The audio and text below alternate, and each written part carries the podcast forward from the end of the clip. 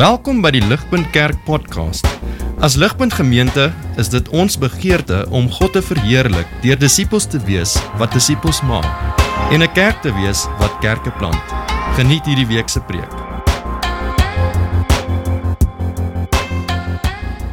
Ek ehm dis hierdie tyd van die jaar waar uh die van julle wat kinders op skool het, dis dit atletiek seisoen. Ons was hierdie jaar nogals baie ehm by die atletiek by die atletiekbane gewees en een ding wat my getref het is dat uh skole van vandag is nie heeltemal soos dit was toe ons toe ek nog op skool was nie. Toe ek nog op skool was, het die het die leerders baie meer gesing as wat hulle vandag sing.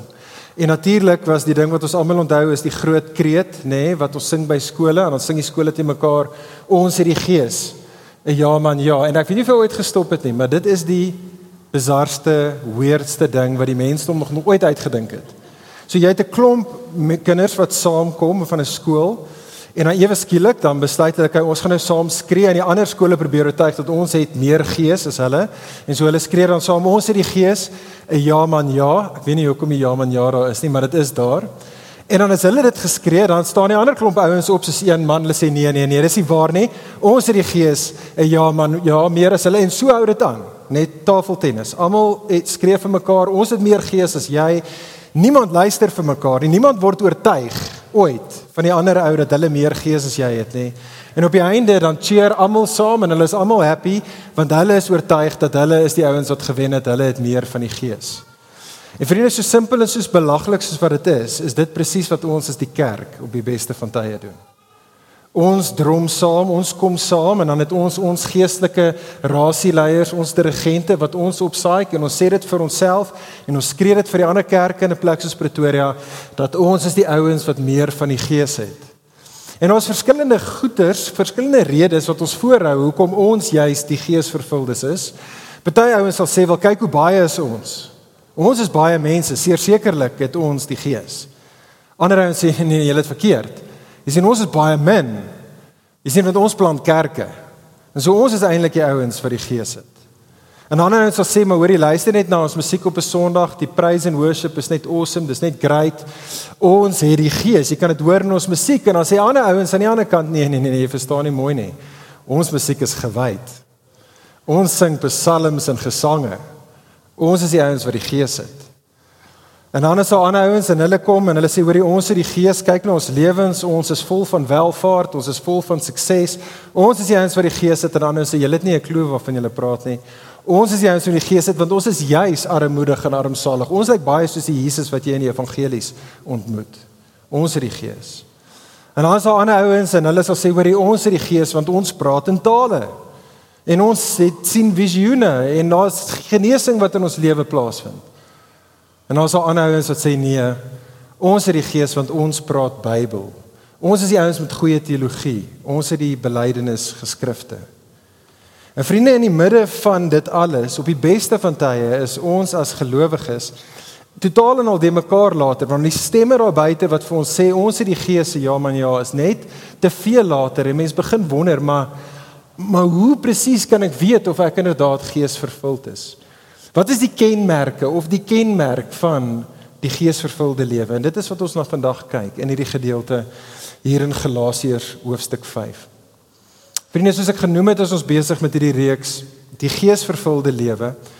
En vandag kom ons by 'n klassieke teks in hierdie reeks wat ons mee besig is, Galasiërs hoofstuk 5, waar ons spesifiek gaan sien dat die geesvervulde lewe is 'n lewe waar gelowiges wandel deur die Gees. En dit is wat die teks ons sê, dit is die opdrag reg in die begin van die gedeelte daar in hoofstuk uh in vers 16. Nou asseblief tog jou blaadjie by die rand, ons gaan saam na daai teksgedeelte kyk. Maar ek wil hê ons moet probeer saam vasstel wat presies beteken dit om te wandel deur die Gees en ons gaan dit doen in die hand van drie opskrifte. Drie opskrifte wat ons sal help verstaan wat dit beteken om deur die Gees te wandel. Hier is die eerste ene. Die opskrif is die Gees se begeerte.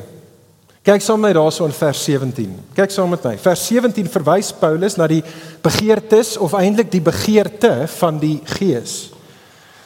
Maar hy verduidelik nie vir ons daar wat dit beteken. Wat is die Gees se begeerte?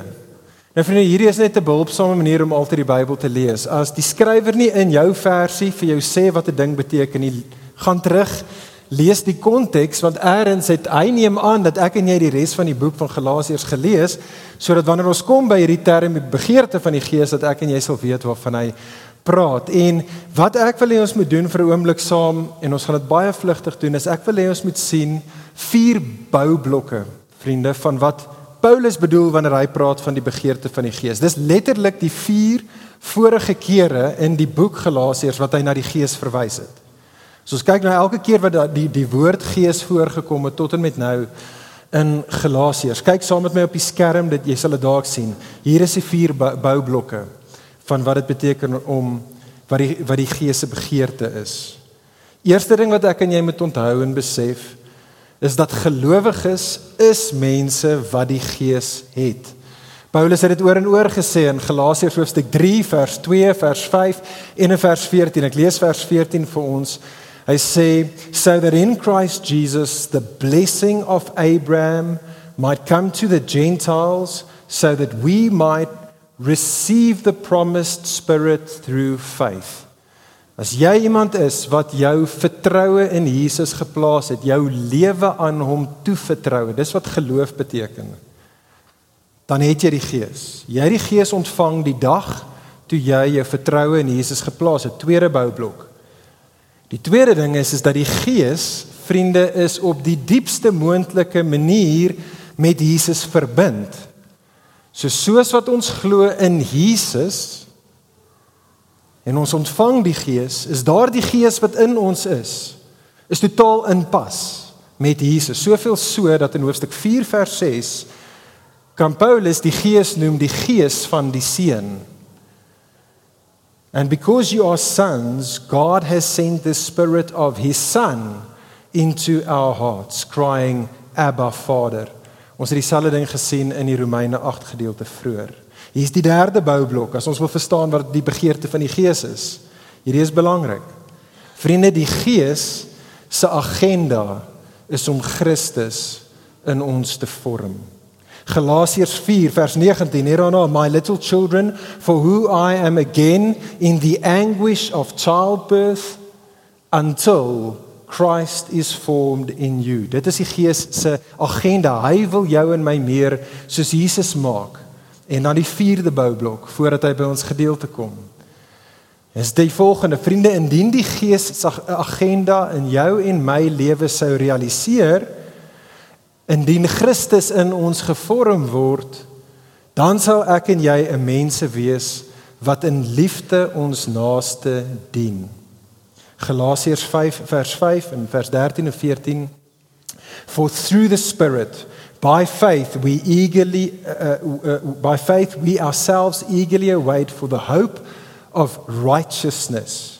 Vers 13 tot 14 For you were called to freedom brothers only do not use your freedom as an opportunity for the flesh but through love serve one another for the whole law is fulfilled in one word You shall love your neighbor as yourself.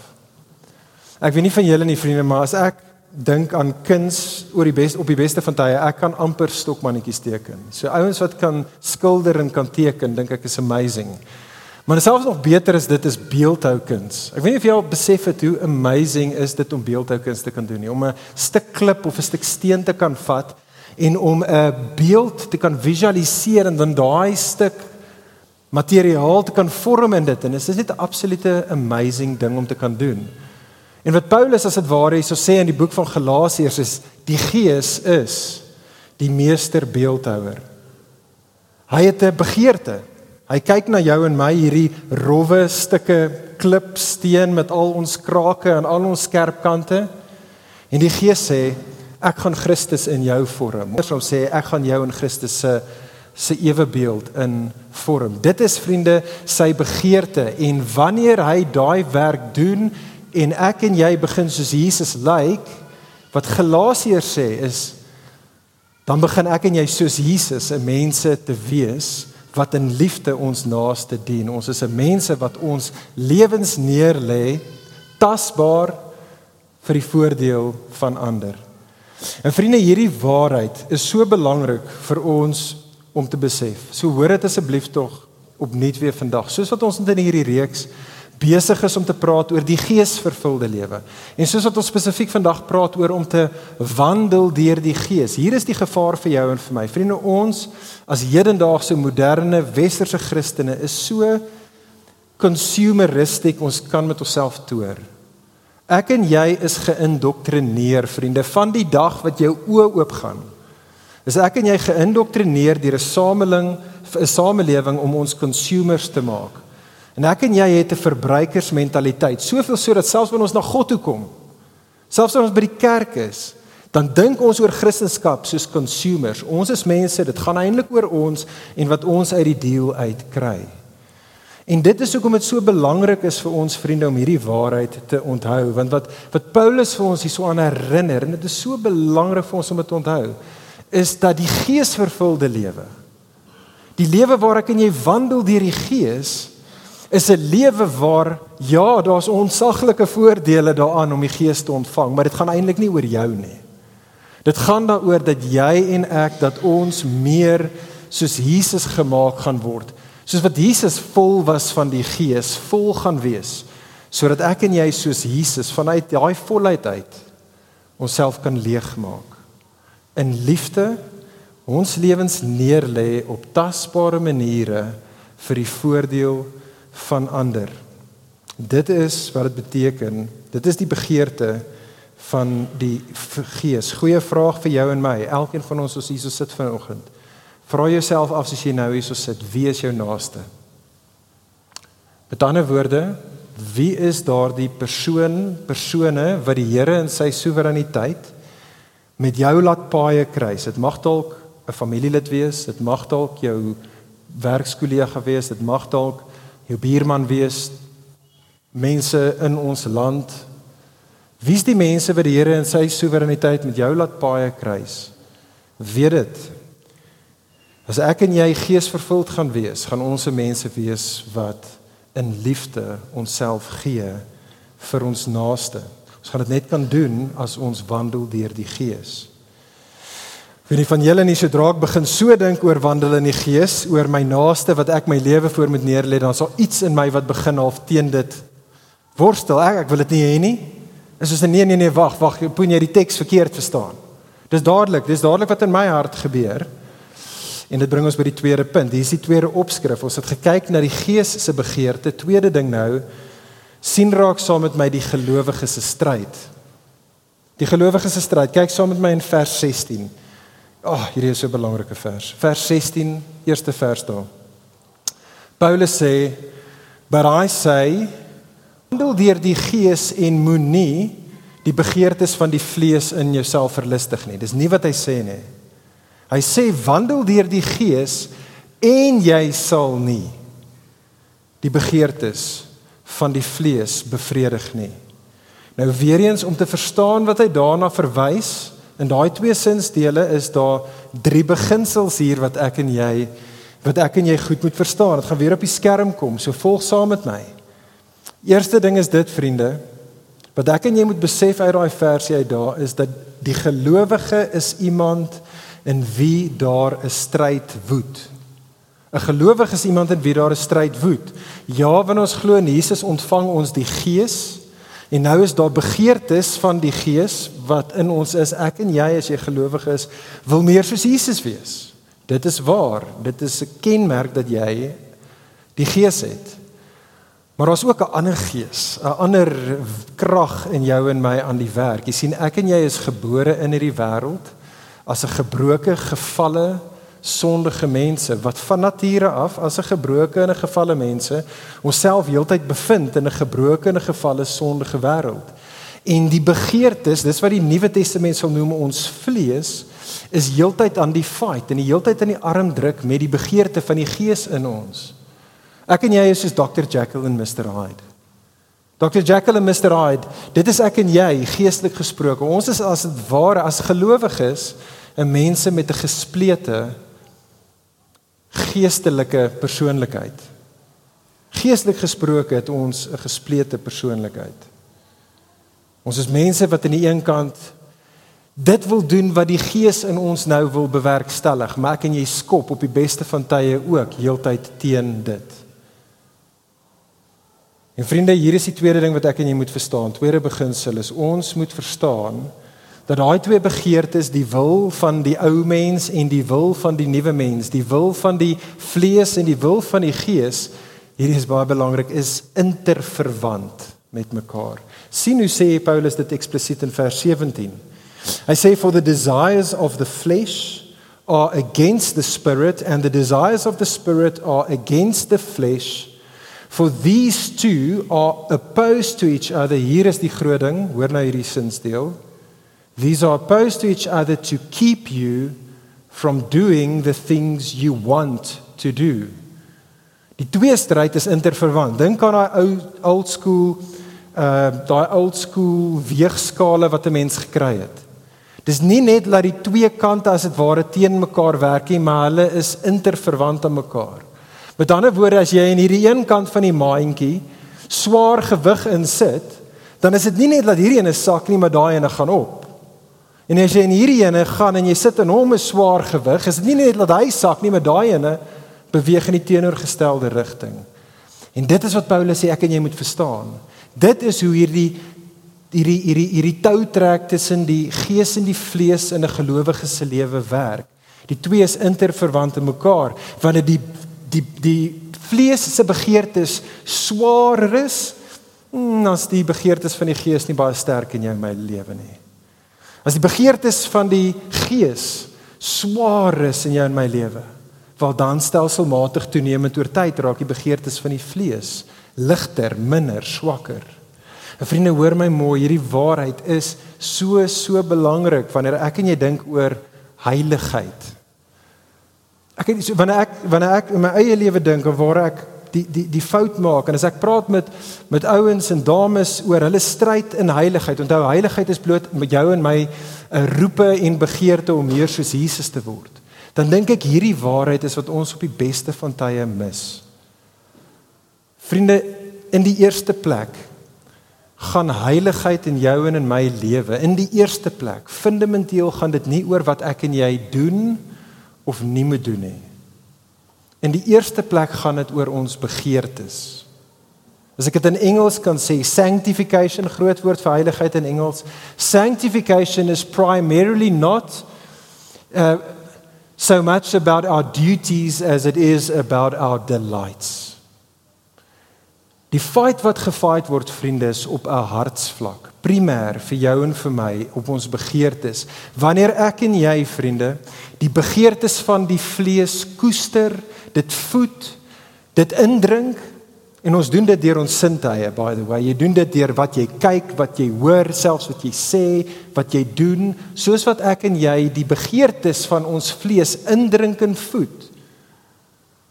Moenie verbaas wees as jy nie regtig verskriklik into Jesus is nie. Moenie verbaas wees as jy nie regtig wil tyd met sy mense spandeer in sy woord en in gebed wil verstaan nie. Uh, uh tyd spandeer nie. Want daar waar die begeertes van die vlees sterker brand, daar gaan die begeertes van die gees minder wees. En wanneer ons se mense is wat ons self gee, ons sintuie, ons neem dit in Jesus en alles wat hy is vir ons, sy goedheid, sy pragt. Wanneer die begeertes van die Gees, die begeerte van die Gees in ons lewe toeneem, dan oor tyd begin daai vleeslike begeertes net meer en meer hulle krag en hulle aantreklikheid in ons lewens verloor. Baie kere daar buite praat mense, jy het al seker die taal gehoor van praat van stoking, stoking the flames of desire. Het jy al daai term gehoor? Dis 'n behulpsame prentjie wat dis nie Christen nie, almal gebruik hierdie taal van dit begeertes is soos 'n vlam wat ek en jy hout opgooi om dit te laat brand. En dit is hoe begeertes werk. En so dis 'n goeie vraag vir jou en vir my om te vra as jy moet terugdink oor die naweek, as jy moet terugdink oor die laaste week. As jy terugdink oor die laaste jaar, 5 jaar, 10 jaar, 20 jaar van jou lewe. Na watse vuur toe hardloop jy die meeste en gooi jy hout op? Watter van die vure, die die vuur van die gees, want daai begeertes is daar, gooi jy hout op dit in jou lewe, jy doen dit om daai vuur aan te wakker, dalk as prins of indirek subtiel of hardloop jy na die vuur van die Gees toe om daar seker te maak dat daai vlamme hoog brand? Dit bring ons by die derde beginsel. Derde beginsel. Vriende, wie ook al tussen die gees en die vlees hierdie innerlike stryd in jou en in my hart gaan wen, wie ook al die stryd intern gaan wen, sal 'n persoon se uiterlike gedrag uiteindelik bepaal en uiteindelik ons menswees vorm. Kyk na saam met die teks. Ons gaan net vinnig dit lees. Kyk saam met die teks vers 19. As die vlees sy sin in ons lewe kry, sal die vlees se werke in ons lewens manifesteer sê Paulus in dinge soos die volgende. Is nie 'n volledige lys nie, is net 'n paar voorbeelde. Dit sal manifesteer in ons lewens in dinge soos egbreek. Dit sal manifesteer in ons lewe in dinge soos hoerery, alle forme van seksuele losbandigheid. Dit sal manifesteer in afgodery beide in die godsdienstige en in die sekulêre forme daarvan in ons lewens die manier wat dit sal uitspeel is dit sal lyk soos vyandskap tussen ons en ander twis tussen ons en ander jaloesie wat ons ervaar in ons verhoudings met ander woede uitbarstings afguns moord en dronkenskap en alle forme van binge wat ek en jy in 'n moderne wêreld al uitgefigure het dit sê Paulus is hoe dit lyk wanneer die begeertes van die vlees sy sin kry en werke uh, uiterlik manifesteer in ons lewens. Maar kyk saam met my in vers 18. Paulus sê in vers 18 die wat deur die Gees gelei word, vers 22, wel die vrug van die Gees sal in hulle lewens toenemend oor tyd manifesteer. Hulle lewens sal gekenmerk word deur liefde. Natuurlik al hierdie goeders is nie net gevoelens nie, dit is in verhouding met ander.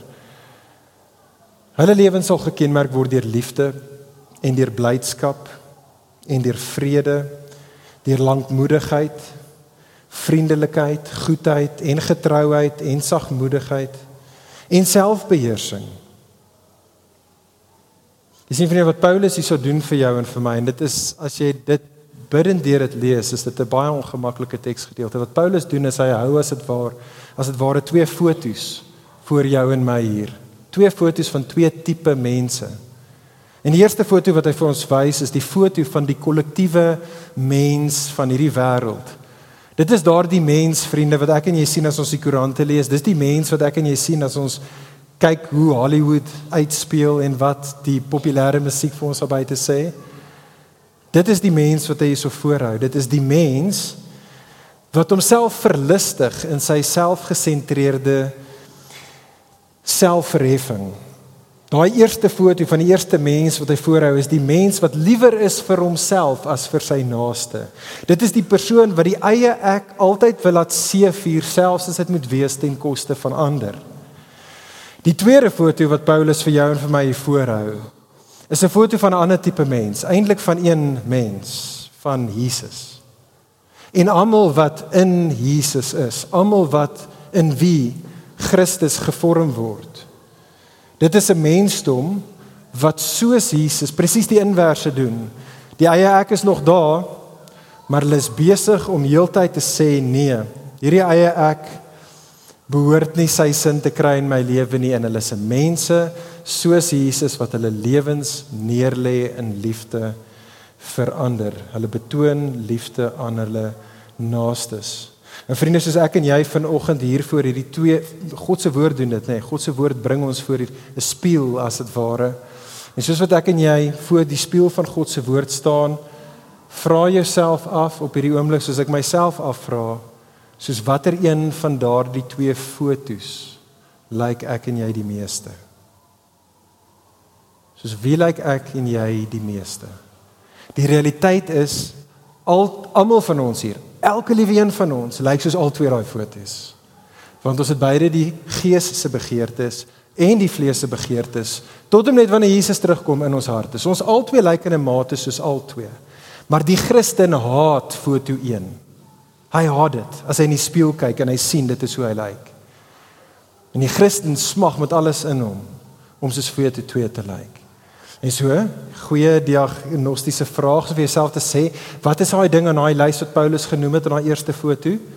Daai dinge van die ou mens wat as ek na myself kyk, sien ek myself in daai en daai en daai ding. En as ek kyk na die tweede foto, wat is die goeders wat ek daarso sien wat ek nie in myself sien nie? Dit is dit is nie teenwoordig in my lewe nie. Paulus roep ons tot dit en hy sê 'n Christen is iemand wat sê ek wil nie soos foto 1 wees nie. Ek wil meer en meer van die Gees se begeertes moet realiseer in my lewe. Ek wil meer en meer in Christus se beeld gevorm word.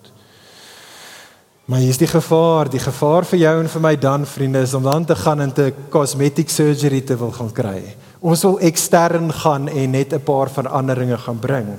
En dit is waar dit belangrik vir ons is om terug te gaan na die eerste punt en te sê ja, ons het nodig om ons wil graag sien dat daar verandering is in die foto van my lewe. Maar dit gebeur nie bloot ekstern en cosmetic surgery nie, dit is intern. Dit gebeur interne, dit is 'n oorlog en 'n stryd op 'n hartsvlak. Dit is die stryd van begeertes. En so hoe lyk dit in praktyk? Wel, hier is die laaste ding wat ek graag wil hê ons moet sien in die gedeelte. Hierdie is hoe dit lyk in praktyk. Vriende, derde opskrif in die gedeelte. Ons het gekyk na die gees se begeerte. Dit ons gekyk na die gelowiges se stryd. Die derde ding sien raak saam met my hierso, die gees vervulde gelowige se oorwinning. Die gees vervulde gelowige se oorwinning. Kyk saam na in vers 24. Hierdie is ek weet ek sê heeltyd hierdie is belangrik, maar alles is belangrik, okay? Hierdie is regtig regtig belangrik. Kyk na vers 24. Kyk na vers 24. Paulus sê and those who belong to Christ Jesus have crucified the flesh with its passions and its desires. Hoor mooi. Vriende, die gelowige wat wandel deur die Gees, wandel met die Gees, wandel elke dag deurgangs die hele tyd op twee maniere. Daar's twee bewegings, twee bewegings in ons geesvervulde wandeling. En dit is net daai twee wandelinge wat sal maak dat ons toenemend die begeertes van die gees sal hê wat die begeertes van die vlees sal oorneem en wat ons in Jesus se ewe beeld sal vorm. Hier is die twee bewegings. Die eerste ding is dit. Vriend, vriendin, ek en jy het nodig om te bly rus in die wete dat ons aan Jesus reeds behoort. Dit is wat ek en jy moet doen. Paulus sê dan in vers 24, we belong to Christ Jesus. Ek en jy het nodig om te rus in die wete dat ons reeds as gelowiges aan Jesus behoort. Dit wat Paulus hier kommunikeer is gebaseer op wat hy eintlik gesê het in die kernteksvers van die hele boek van Galasiërs. Pragtigste vers in die hele boek. Een van die naaistes in die Bybel dink ek, Galasiërs 2 vers 20. Hierdie is hoe Paulus gekommunikeer het toe hy in lofsang dit uitgejubel het oor hoe hy aan Jesus behoort. Galasiërs 2 vers 20. Paulus gesê I have been crucified with Christ. It is no longer I who live. It is now Christ who is living in me. Daar is twee maniere, 'n dubbele manier vriend vriendin wat Paulus sê ons as gelowiges aan Jesus behoort. Twee maniere. Nommer 1 Christus het gesterwe, ons het saam met Christus gesterf. Jesus het juis vriend vriendin vir jou en my vleeslike begeertes wat uitspeel in die werke van die vlees in ons lewens het Jesus kruis toe gegaan. Hy het kruis toe gegaan om vir die oordeel wat ek en jy verdien vir ons wandel in die vlees het Jesus op die kruis het hy die straf vir ons sondeskuld gaan betaal. Hy het dit klaar betaal en die feit dat hy dit betaal het, sê die Nuwe Testament beteken Hy het ons gekoop. Ons behoort aan hom.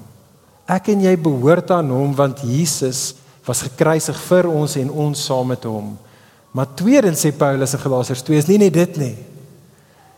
Jesus, ons behoort so aan Jesus dat hy woon nou by wyse van sy gees ook in ons. Die gees is die seël, die bevestiging dat ons aan hom behoort. Kan ek jou net uitnooi elke liewe persoon hier vandag. En hierdie is 'n goeie rede as jy vandag hier sit en jy's nog nie 'n Christen nie. Hierdie is hierdie is hoekom jy jou lewe aan Jesus wil toevertrou. Maar vir ons wat gelowiges is, kan ek jou uitnooi. Rus hierin o Christen. Gebroke gelowige, jy wat kyk na jou lewe en die begeertes in jou vlees voel vir jou totaal oorweldigend.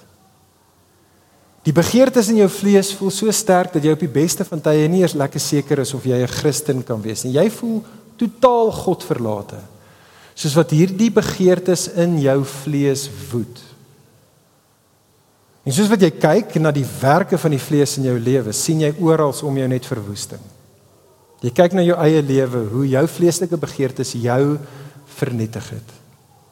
En jy kyk hoe jou vleeslike begeertes jou vrou, jou man, jou kinders, jou familie en die samelewing om jou skade aan berokken het.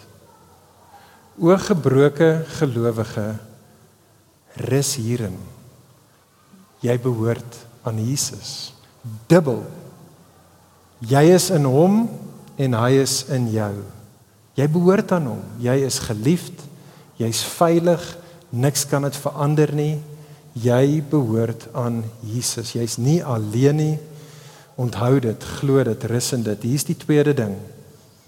Die tweede beweging, soos wat ek en jy wandel ten einde te wandel in die Gees. Is ons het dan vriende nodig om die vlees se begeertes deurgangs te kruisig. Kyk weer saam op die skerm die res van Galasiërs 2 vers 20. Dit is die kernvers van die hele boek. En die res van daai vers het gesê I have been crucified with Christ. It's no longer I who live, it is now Christ who's living in me. En dan gaan hy aan hy sê and and the life that I now live I live it now by faith in the son of God who loved me and gave himself up for me. Vriende hoor dit. Die persoon wat daadwerklik besef hoe Jesus in liefde hom vir daardie persoon gegee het. Die persoon wat besef dat Jesus het kruis toe te gegaan om te betaal vir die werke van die vlees. Daai persoon met die gees nou in hom of haar is iemand wat wanneer ook al die vlees nou wil kop uitsteek in sy of haar lewe wat elke dag is. Is dit 'n persoon wat dit haat en wat sê ek gaan net soos Jesus gaan ek kruis toe hardloop. Jesus het kruis toe gegaan om met die skuld van my sonde af te reken. Ek gaan elke liewe dag heeltyd kruis toe hardloop om met die krag van sonde in my lewe af te reken. Die gelowige is iemand wat wanneer die vlees weer eens sy begeertes, sy sin kry in in sonde in jou lewe begin manifesteer, is die Christen iemand wat as dit ware vir sy eie hart sê en vir sy vlees sê dood met jou dood met jou. Ek soek jou nie in my lewe nie. Ek behoort nie aan jou nie, ek behoort aan Jesus. Jesus het sy lewe gegee in liefde vir my om van jou klaar te maak met jou. Ek gaan in liefde vir Jesus gaan ek myself gee om niks weer met jou uit te waai te hê nie. En dit is die beweging. Dit is die lewe, dit is die ritme, die pas van die gelowige. En so dan is die oproep kyk saam met my vers 25 if we live by the spirit as die gees van God in ons is vriende if we live by the spirit let us also keep in step with the spirit. En ek sluit hiermee af. Ek sluit hiermee af. Vriende die gegons in hierdie wêreld om ons die stemme wat vir jou en vir my sê ons het die gees Ons het die Gees, ons het die Gees. Selfs wat ons baie kere subtiel hier by ligpunt doen en jy mag dink wel dit is die rede kom ons die Gees het. Vriende, pas op. Wees versigtig. Dis treffend dat elkeen van daai dinge wat ek net nou genoem het, sê die Nuwe Testament vir ons. Jy kan wonderlike visioene hê en genesing kan gebeur en jy kan die skrif ken beter as wat Paulus dit geken het. En en en jy kan al daai dinge in jou lewe hê en die kerk kan 50000 mense nê of twee mense nê en dis moontlik vir jou om glad nie eintlik vir Jesus te geken het nie. Maar dit wat ons in hierdie gedeelte hierso sien is die klinkklare bewys van die wat daadwerklik die Gees het. Dis eintlik eenvoudig die Gees se naam verklap dit aan ons. sien die wat die Heilige Gees het is 'n mense wat deur die Gees heilig gemaak word. Mag mag dit waar wees van jou en my. Mag ek en jy 'n mense wees wat hierdie opdrag hoor soos wat die Gees met ons praat. Mag ons wandel deur die Gees soos wat ons vers 18 gelei word deur die Gees en soos wat ons in pas bly met die Gees. Sodat ek en jy 'n mense kan wees wat toenemend in Jesus se beeld gevorm sal word, sodat ons 'n mense sal wees wat in die regte wêreld in ons lewens, ons naaste, selfs die naaste wat ons nie so van lief is van nature af nie, dat ons hulle in liefde sal dien. Kom ek bid vir ons. Ag Vader, ons almal voor die spieël van u woord sien so baie van die ou mens in ons. Maar o Heer met die gees wat in ons woon het ons die diepste van begeertes om meer soos die nuwe mens, meer soos Jesus te lyk.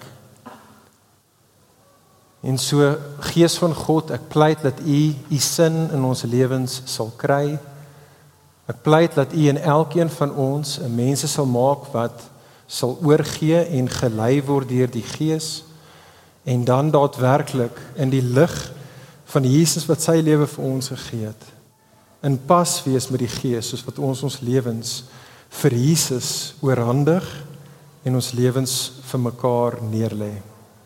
Here maak ons sulke mense vol van U leeg verander. Ons bid dit in Jesus se goeie naam. Amen. Vir meer inligting oor Ligpunt Kerk, besoek gerus ons webwerf op www.ligpunt.com of kontak ons gerus by info@ligpunt.com